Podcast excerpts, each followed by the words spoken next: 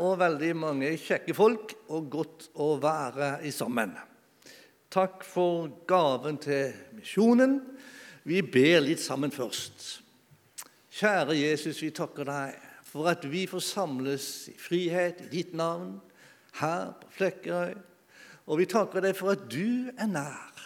Vi takker deg for gaven vi fikk samle inn, og ber at du velsigner enhver glad giver, og la midlene bli brukt til fremme for ditt rike.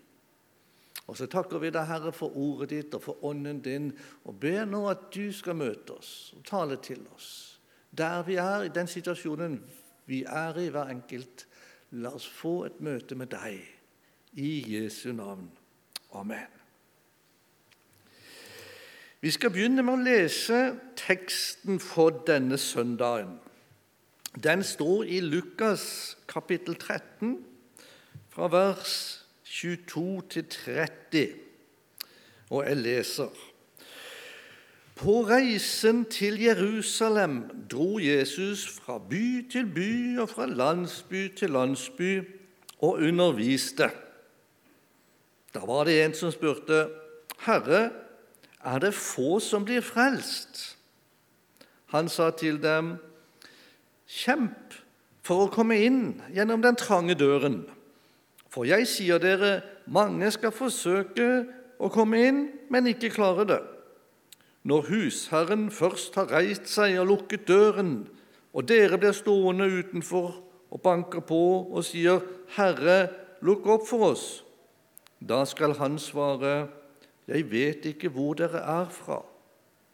Da vil dere si, 'Vi har jo spist og drukket sammen med deg, og du har undervist på gatene våre.' Men han skal svare, 'Jeg vet ikke hvor dere er fra.' Bort fra meg, alle dere som gjør urett. Der skal dere gråte og skjære tenner når dere ser Abraham og Isak og Jakob og alle profetene i Guds rike, mens dere selv blir kastet utenfor. Fra øst og vest og fra nord og sør skal mennesker komme og sitte til bords i Guds rike. Da skal noen av de siste bli de første, og noen av de første bli de siste. Det var en eh, hendelse i Jesu liv. Og Hvis vi begynner litt på slutten, da, om å sitte til bords i Guds rike med Abraham og Isak og Jakob, så har vi nettopp tatt del i et måltid, nattverdmåltidet som egentlig er en forsmak på det himmelske måltidet, hvor vi skal sitte til bords med Abraham og Isak og Jakob, ja, og Jesus, og alle profetene og alle de som har gått foran i himmelen. Og nattverdmåltidet er altså en forsmak på det. Og så står det om at det skal komme folk fra øst og vest og syd og nord og sitte til bords. Og så ble vi minnet om det akkurat nå.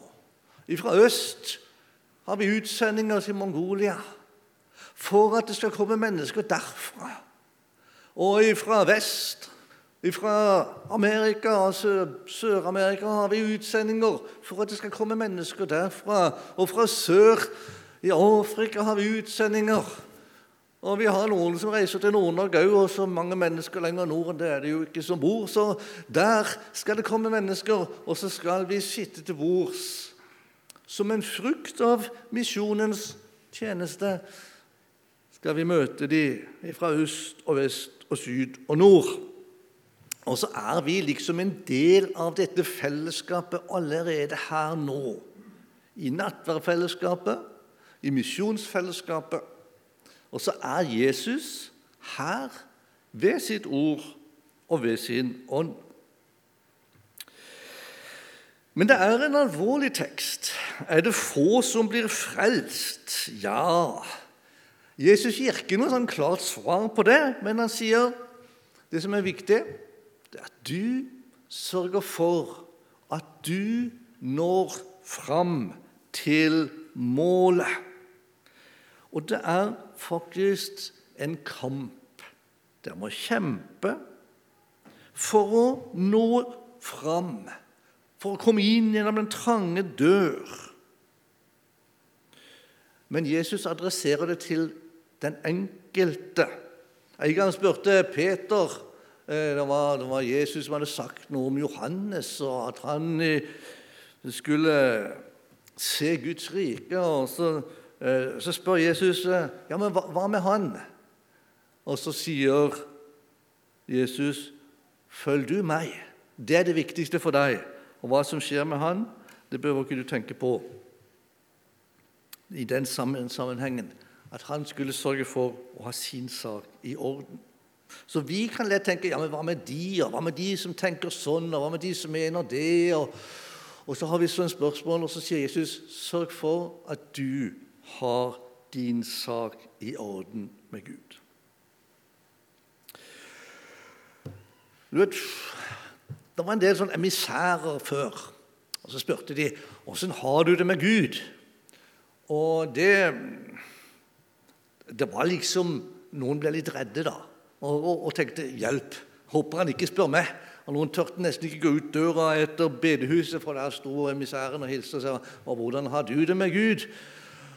Og eh, Det var ikke sikkert de var, liksom, hadde like mye ja, fintfølelse alltid. Men, eh, så noen ble kanskje støtt, og noen ble kanskje litt redde. Men de hadde en brann for at sjeler, mennesker, skulle komme i et rett forhold til Gud. Og den må vi ta vare på. Åssen har du det med Gud? Åssen lever vi med vår frelser? Og så spør jeg ikke ja, men eh, Fikser du kristenlivet bra, liksom? Ja, Får du til å kjempe mot synd i livet ditt? Og Det er viktig, og vi kan gjerne ha en, medvandrer som, kan, som, vi kan stå sammen om i den kampen. Eller du kan spørre eh, liksom, Åssen tar du deg ut i folks øyne da, her på bedehuset? Eh, fikser du liksom kristenlivet, og tenker folk at ja, han, han, han får det til. Han er en god kristen. Det kan vi lett tenke. Hva tenker egentlig folk om meg? Og Jesus igjen adresserer det til sørg for at du har din sak i orden med Gud. Ja, men hvordan gjør man det, da? Ja, da har vi jo heldigvis boka som gir oss mange gode retningslinjer. Og Vi kan begynne i Jesaja kapittel 1, vers 18. Kom, la oss gjøre opp vår sak, sier Herren. Om deres synder er som purpur, skal de bli hvite som snø. Om de er røde som skarlagen, skal de bli hvite som ull. Ja vel, invitasjon. Du får lov til å komme.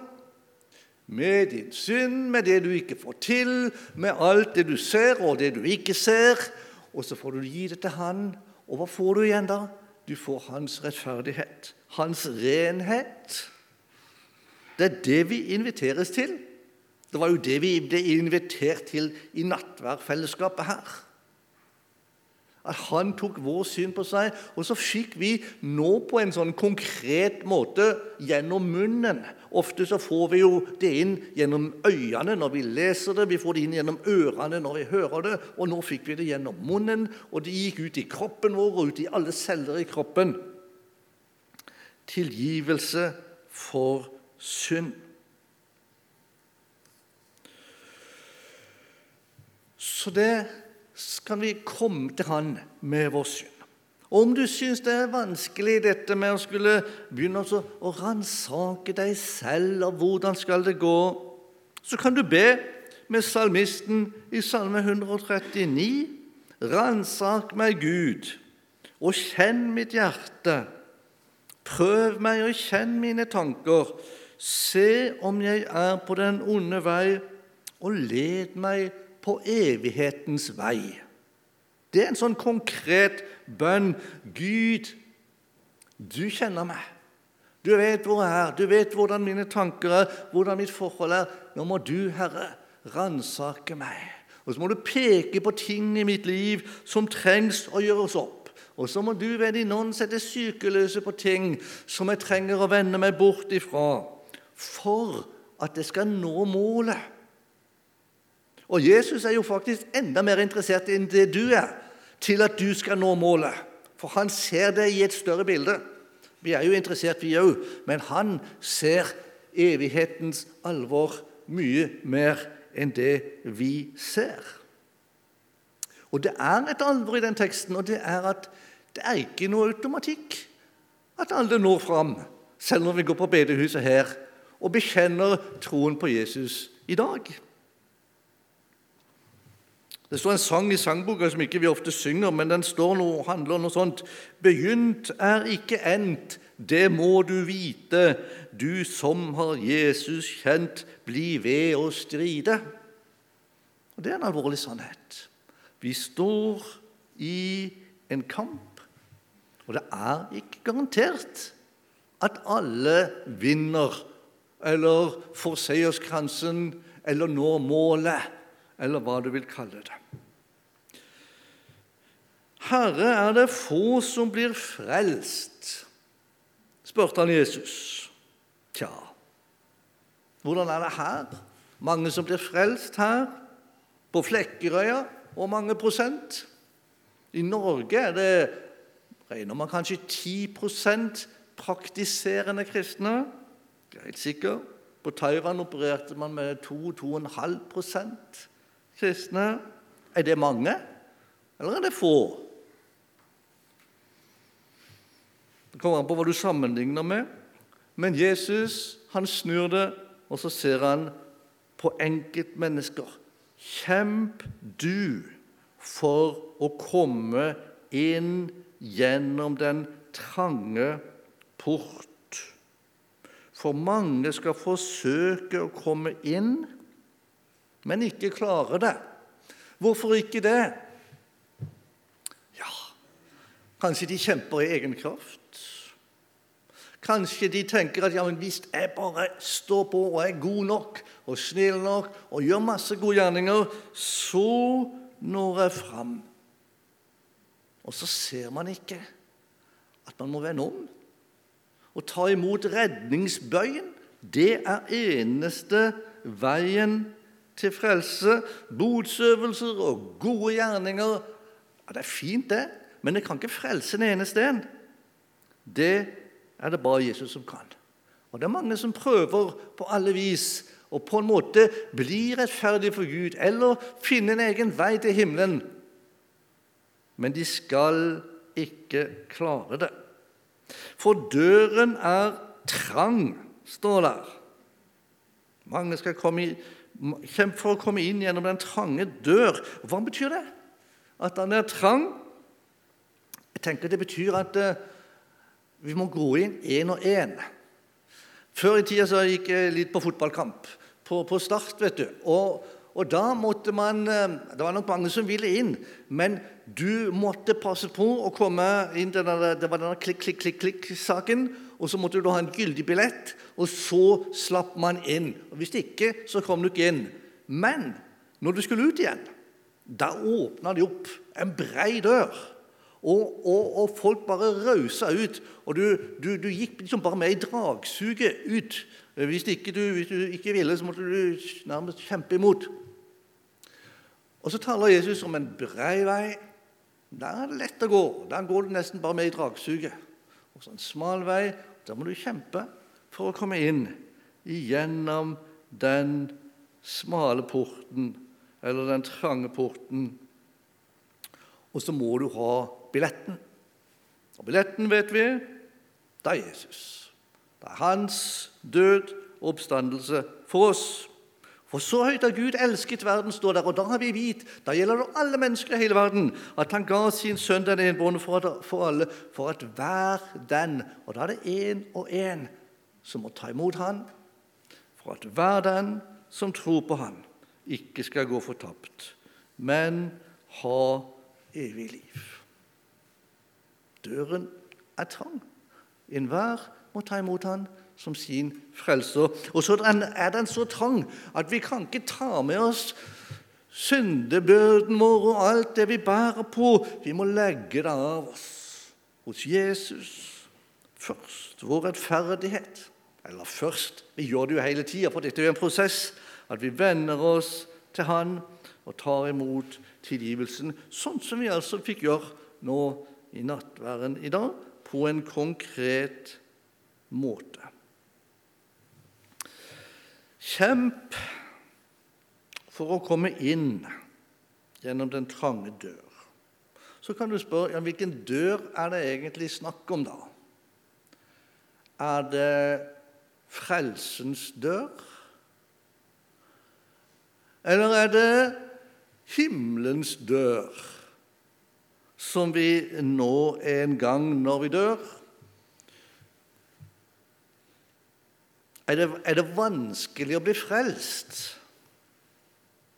Ja, både ja og nei. Eh, noen må kjempe. Eh, jeg husker for min del da jeg var 19 år og kalt av Gud og, og tørte ikke, fikk ikke til å bekjenne det, tørte ikke si det til noen. Og det var liksom en gikk en stund der, ganske lenge faktisk, før jeg fikk snakket med noen og sa jeg vil gjerne bli en kristen. Men når du har kommet dit at du sier ja til Jesus, så er det ikke vanskelig. Nei, da er det så lett at da er alt ferdig.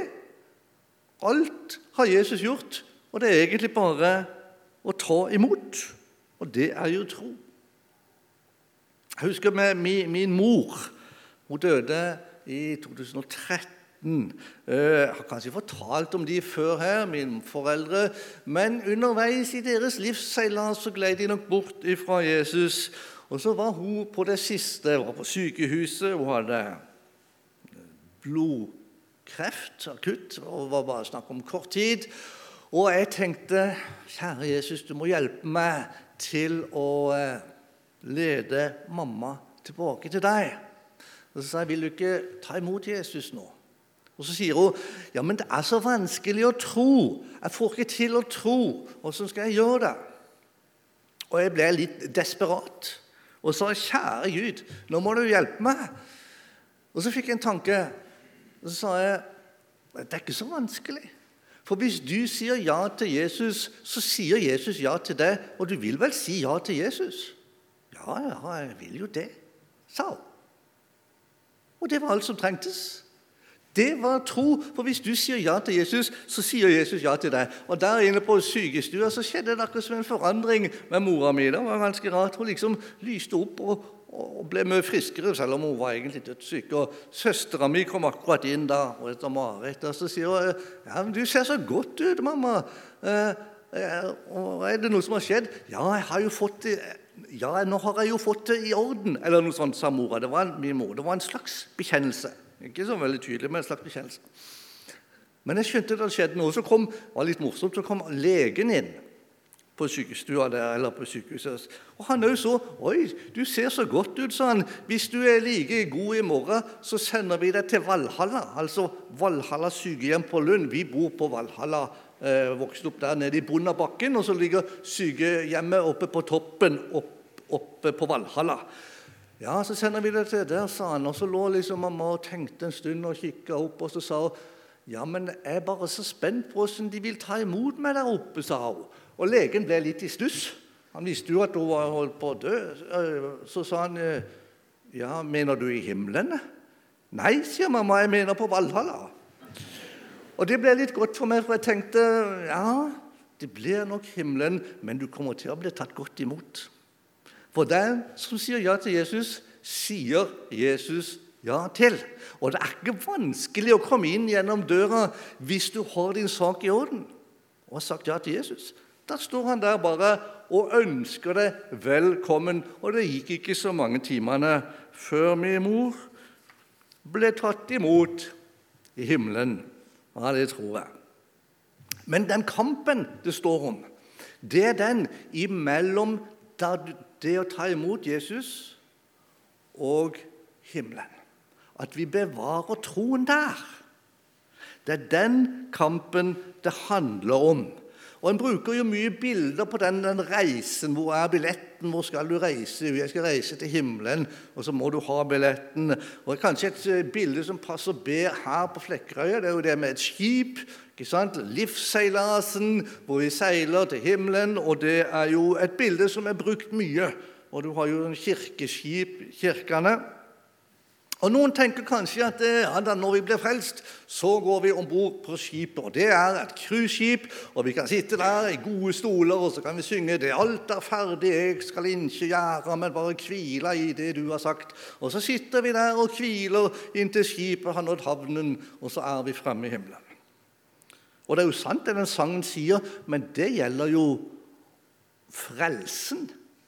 Frelsen er alt ferdig, og jeg skal ikke gjøre, men bare hvile i det du har sagt. Men livet og den kampen for å bevare troen og nå målet, den må vi ta, hver enkelt. Så det ligner kanskje ikke så mye på et cruiseskip, og kanskje litt mer på et krigsskip. Det skipet vi går om bord i. Og så får vi vår oppgave, og så har vi faktisk våre våpen som vi skal bruke åndens sverd og, og hjelm og rustning, og så kommer vi til å møte kamp. Og det kan gå på livet løst, og det kan bli forfølgelse, og det kan bli lidelse, og det kan ha sin pris. Men så lenge du blir på skuta, så når du himmelen. Og om du dør underveis, så går du til himmelen. Det som er farlig, det er å forlate skuta. Og miste troen og gli bort. Og det står det jo noe om at noen gjorde. Fikk den da nåværende verden kjær, eller, eller verdens bekymringer og, og, og, rikdommens bedrag. Og så glir man bort fra troen, enten ubevisst eller ved et valg. Det er kampen som vi står i, om å bevare vårt hjerte hos Jesus. Og Paulus vet du, han, han, taler mye om den kampen og bruker forskjellige bilder. Et eh, sted, det er i Filipperne 1,27, så skriver han så gjelder det bare at dere fører et liv som er Kristi evangelium verdig. Enten jeg nå kommer og selv ser dere, eller jeg er borte, så la meg få høre at dere holder stand i én ånd og med samme sinn kjemper for troen på evangeliet, uten å la dere skremme motstanderne på noen måte. Dette er et varsel fra Gud selv, for dem om fortapelse, men for dere om frelse. For dere fikk den gave ikke bare å tro på Kristus, men også å lide for Han. Mm, det hører med. Dere står i den samme kamp som dere før har sett meg kjempe, og nå hører dere at jeg fremdeles står i den. Det er en kamp, og det er faktisk lidelse i en del av den kampen. Og For noen så er det forfølgelse rent sånn ytre sett. Jeg har jo vært misjonær på Taiwan. Der var det ikke så mye forfølgelse, men det var en del. Jeg husker spesielt ei jente ved Sunchen. Hun skulle bli døpt. Jeg hadde henne i dåpsopplæring. Og Faren fikk høre det og sa det, hvis du blir døpt, så kaster jeg deg ut hjemmefra. Det vil jeg ikke ha noe av. Og Det var et indre press, og hun ble nå døpt og, og, og ble kasta ut. Men hun fikk heldigvis komme tilbake igjen. Men vi vet jo om andre steder i verden hvor det er forfølgelse. Det er mer forfølgelse av kristne i dag enn det har vært noensinne tidligere i verdenshistorien. Og mange som lir martyrdøden hver eneste dag av troen på Jesus. For oss så kanskje kampen på litt andre måter. Å velge å følge rikdommens bedrag, begjæret i øynene, eh, eller eh, hva det nå er for noe som altså kan føre oss bort fra Jesus. En liten hvit løgn og en eh, løgn der for å slippe litt bedre ut av det, ta seg bedre ut eller hva det nå er. Vi står i en kamp. Et annet sted så sammenligner Paulus det med et løp. Og Det er jo det, samme bildet. Det er ikke alle som vinner seiersprisen. I 1. Korinterne 9.: Vet dere ikke at de som er med i et løp på idrettsbanen, de løper alle sammen, men bare én vinner seiersprisen? Løp da slik at dere vinner den. En idrettsmann må nekte seg alt. Han gjør det for å vinne en krans som visner. Vi for å vinne en krans som aldri visner. Og Hvis du er litt i det bildet og, og, og ser på disse idrettsfolkene Hva de altså øh, innretter de livet sitt for å vinne en eller annen pokal Altså Det er alt. Hvordan de sover, hva de spiser, hvordan de pusser tennene omtrent, hva de trener. Alt er innstilt på dette å vinne det der løpet. Det ikke måte på altså hva de fornekter seg. Det var jo sånn Når de hadde festa vet du, og de hadde vunnet og skulle få kake De kunne ikke spise det neste lite kakestykket, vet du, for de skulle ha et nytt eh, løp neste dag eller noe sånt. Var helt forferdelig. Og det for å vinne krans som de har jo hylla full. Mens vi har en seierskrans som er evig liv i himmelen. Skulle ikke vi da legge vind på hvordan vi lever for at vi skal nå målet, som er himmelen? Eller for å bruke enda et bilde da fra Paulus i Filipperne 3,13.: Brødre, eller det står vel kanskje søsken nå i den nye. Jeg tror ikke om meg selv at jeg har grepet det. Men én ting gjør jeg. Jeg glemmer det som ligger bak, og strekker meg etter det som er foran, og jager fram mot målet og den seierspris som Gud fra det høye har kalt oss til i Kristus Jesus.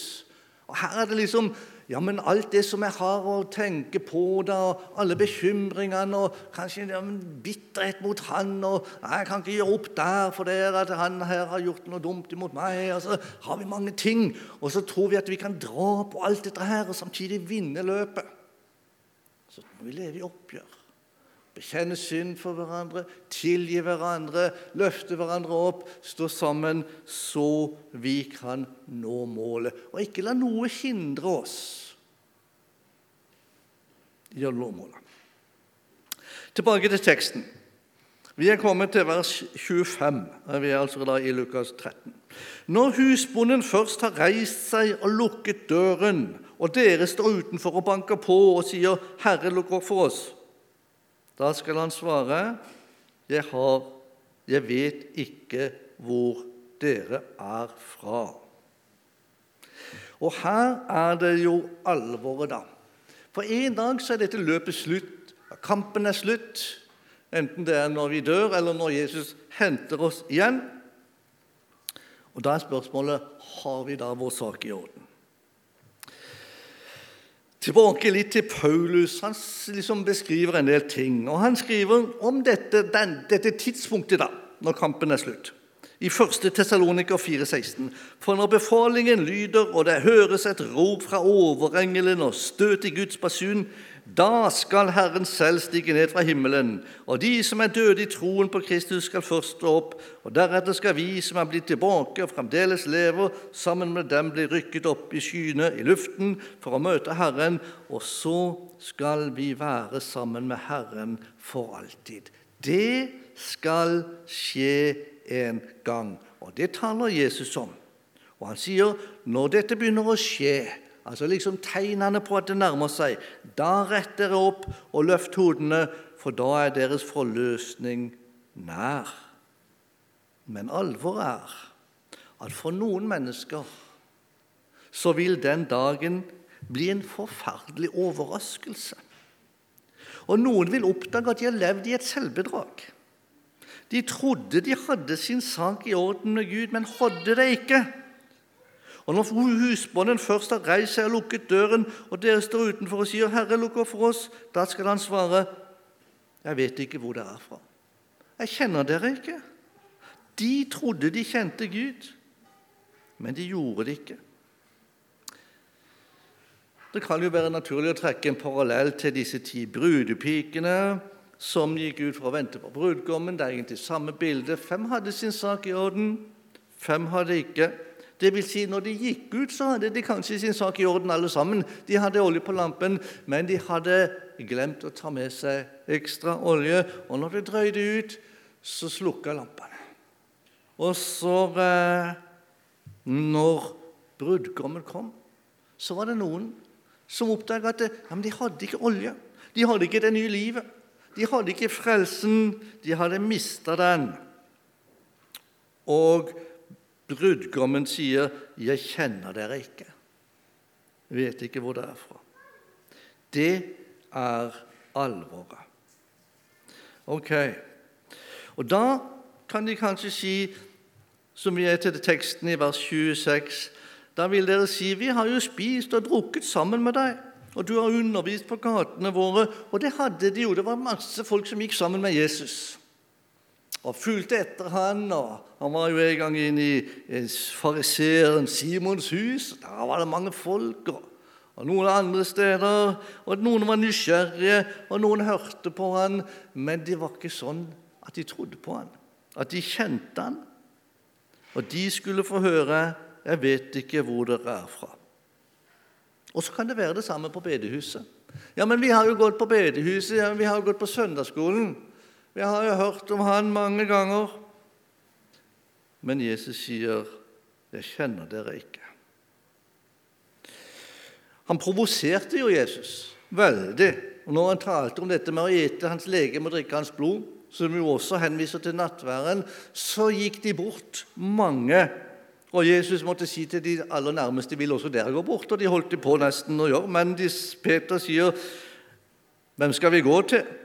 Du har det evige livs ord, og vi tror og vi vet at du er Guds hellige. Eller det kan være andre ting. Det kan være verdens bekymring, rikdommens bedrag, som drar oss bort fra Jesus, så han sier, 'Jeg vet ikke hvor dere er fra'.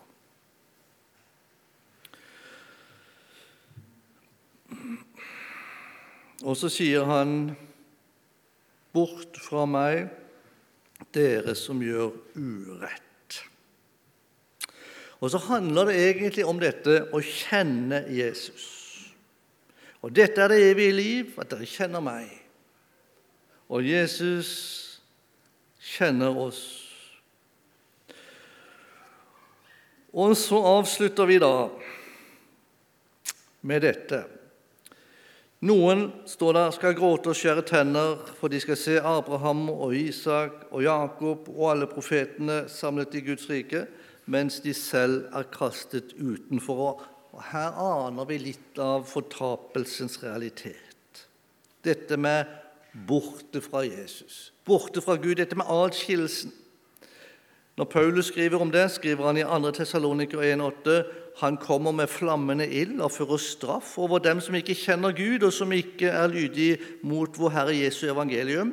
Deres straff blir en evig fortapelse borte fra Herrens ansikt og fra Hans herlighet og makt. Altså borte, utenfor, atskilt ifra. Men det, og det er egentlig fortapelsen, borte fra Gud. Men målet, det er jo nærhet. Det er jo samfunn. Det er jo nettopp dette å sitte til bords med Abraham og Isak og Jakob og profetene og alle de som har gått føre, og Jesus selv, og vi som er her, og som tror på Han, i Guds rike en gang. Og allerede nå har vi hatt en forsmak på det når vi har tatt imot nattværen. Og så sier han helt på slutten og noen av de siste skal bli de første, og noen av de første skal bli de siste. Og Kanskje tenker han da på jødene, som var de første, som var Guds utvalgte folk, og som skulle få evangeliet først, om som avviste han, men som skal komme i den siste tid, omvende seg og så skal de komme inn i stort mål. Men det som jeg bare har lyst til å si, det er dette Kjemp for å komme inn gjennom den trange port. For du seiler ikke til himmelen på ei fjøl, som det heter i et uttrykk. Man seiler ikke til himmelen på ei fjøl, men hver og en må kjempe for at vi skal nå målet. Det var det jeg hadde tenkt å dele med dere. La oss be. Kjære Jesus, takk for dette ordet. og Vi ber at du, Herre, nå skal la det virke sånn som du vil. Ikke til frykt, ikke til fordømmelse, men til en nød for at vi skal bli bevart, og for at vi skal få med oss mennesker på vei til himmelen, sånn at dette, denne salen og dette, dette måltidsfesten kan bli fullsatt av mennesker av alle folkeslag og være der for nådens for, for uh, himmelen i det måltidet en gang. I Jesu navn. Amen.